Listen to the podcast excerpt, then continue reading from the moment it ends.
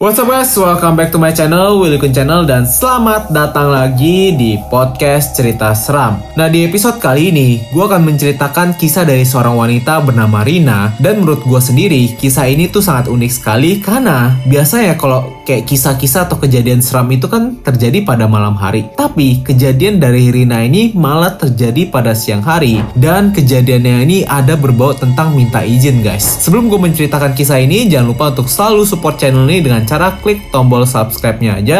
Dan setelah kalian mendengar podcast cerita seram, jangan lupa juga untuk di-share ya guys. So langsung aja gue akan membawakan kisah yang dialami oleh Rina.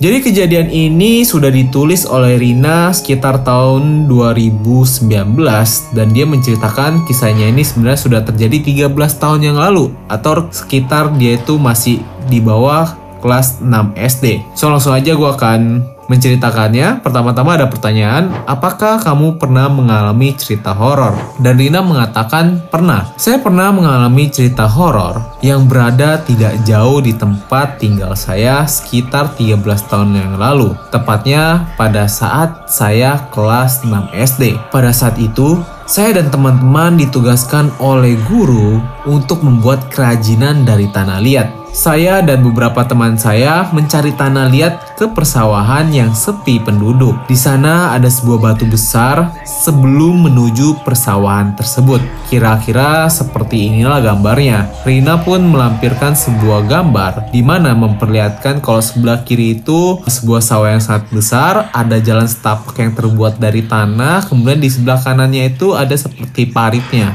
Nah, kemudian kisahnya berlanjut pada pukul 10 siang kita mulai mencari tanah liat tersebut. Setelah mengumpulkan tanah liat, kami membentuk dengan kreasi masing-masing sehingga membentuk asbak. Setelah pukul 12 siang, saat matahari menyengat dengan triknya, saya bergegas pulang karena saya sudah selesai membuat kerajinan asbak tersebut.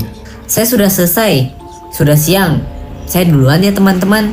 Nah, ada salah satu teman yang menjawab, kamu pulang sendiri? Mau ditemani tidak? Ini jalanan sepi loh. Karena teman-teman saya belum selesai dan saya tidak mau merepotkan mereka, saya memilih untuk pulang sendiri. Saya pulang dengan membawa kerajinan saya. Ya, memang benar ternyata jalanan sangat sepi. Tidak ada orang berlalu lalang satupun. Sambil komat kamit membaca jikir, saya pun bergegas. Sebelum melewati batu besar, tiba-tiba ada sosok hitam berambut panjang tetapi tidak menampakkan wajahnya yang berdiri tepat di kanan saya sedang diam. Mau tidak mau, saya harus melewatinya. Saya terus berzikir, lalu setelah saya mau mendekatinya, tiba-tiba makhluk tersebut lari seperti cahaya kilat di depan saya ke arah kiri. Saya masih bertanya-tanya apakah dia manusia atau bukan. Di samping kiri saya itu pohon singkong. Saya sudah menengok ke kiri tapi tidak ada apa-apa. Lalu saya melanjutkan perjalanan saya. Nah, Rina ini juga melampirkan sebuah foto di mana ada sebuah penampakan di tengah sawah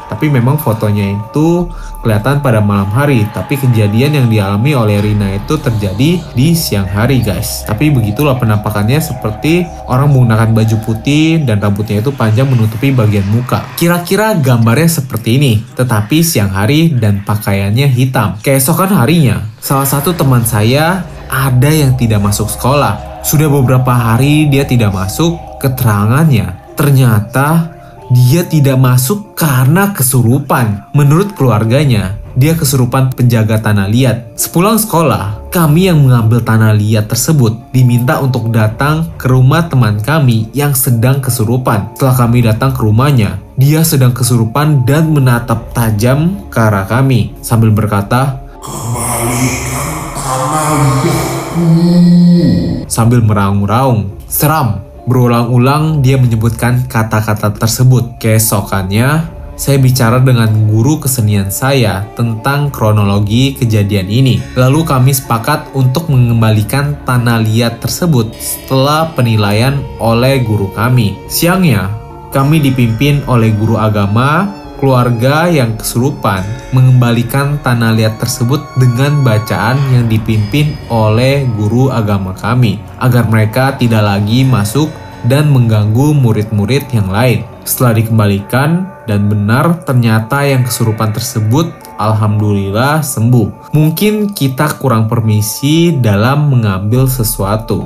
Nah itulah kisah yang telah disampaikan oleh Rina dan pesannya adalah kalau kita pergi atau mau mengambil sesuatu yang bukan milik kita guys yang pastinya ini bukan benda milik orang lain ya, tapi benda-benda yang ada di alam yang mungkin kita tidak bisa melihat siapa pemiliknya. Lebih baik kita izin terlebih dahulu dan pastinya kita berdoa kepada Tuhan kita agar selalu melindungi kita ya guys. Nah itulah kisah yang gue bawakan pada kalian hari ini cukup singkat Tapi menurut gue pribadi sih ini kisah yang sangat menarik guys To the point dan sangat menyeramkan So, itu dia konten hari ini guys. Jangan lupa untuk selalu support channel ini dengan cara klik tombol subscribe-nya ya. Dan jangan lupa juga untuk share podcast ini kepada teman-teman kalian juga ya guys. So, itu dia video hari ini guys. See you guys in the next video. Willy Kun, sign out.